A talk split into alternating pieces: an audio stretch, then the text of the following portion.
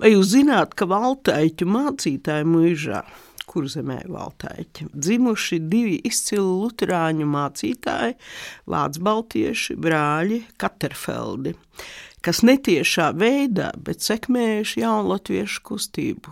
E, Johans Katerfelds dzimis 1794. mira 1869. gadā, bija mācītājs tieši Valtaiķu draudzē, vairāk kārt palīdzēja materiālās grūtībās nonākušajam māteru jūrim, romāna sadzīves viļņos, 1879. gads autoram Māteru Juris bija arī pirmā lauksaimniecības laikraksta Baltijas zemkopis redaktors 80. gadu sākumā.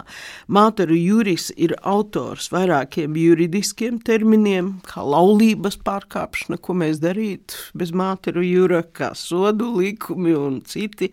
Māteru Juris izdeva arī pirmo latviešu juridisko laikrakstu, ko sauca Tiesu vēstnesis, arī 80. gadu sākumā. Johannes Katerfelds veicināja arī pašdarbības teātra veidošanos kurzemē.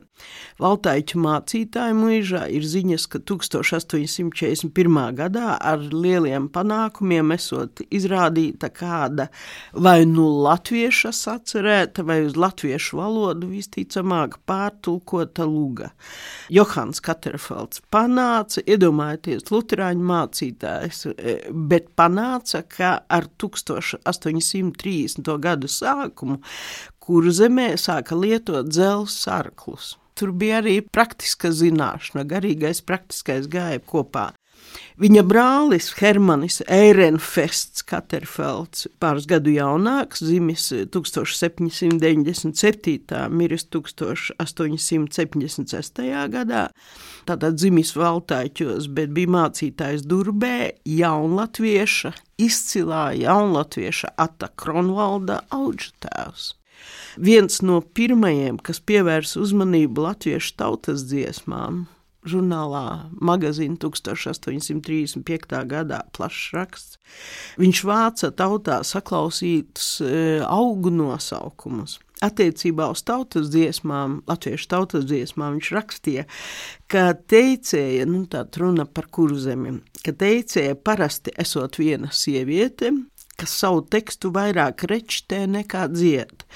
Pārējās sievas, kad teicēja savu daļu ir pabeigusi, turpinot dziesmu ar skaļu vilktu ē, ko mēs pazīstam no svītiem labi mūsdienās, kas vasaras naktīs esot verstīm tālu dzirdams, kādas balsis bija.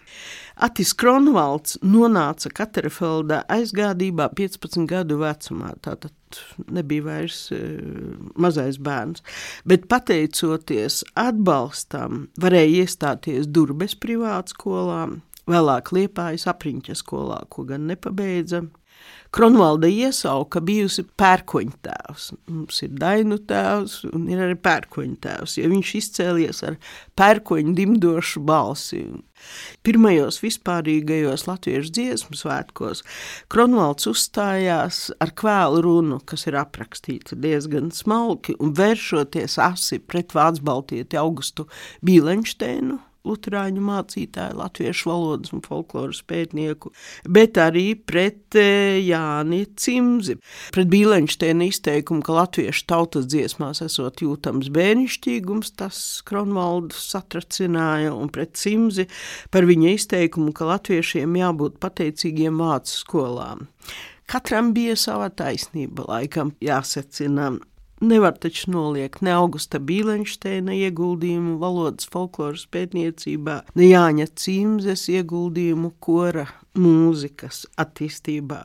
Un, protams, ir augstu vērtējams Ata Kronvalda pienesums tautisko centienu apzināšanā un sekmēšanā. Bet atceramies brāļus Katerfeldus saistībā ar mūsu tautisko atmodu.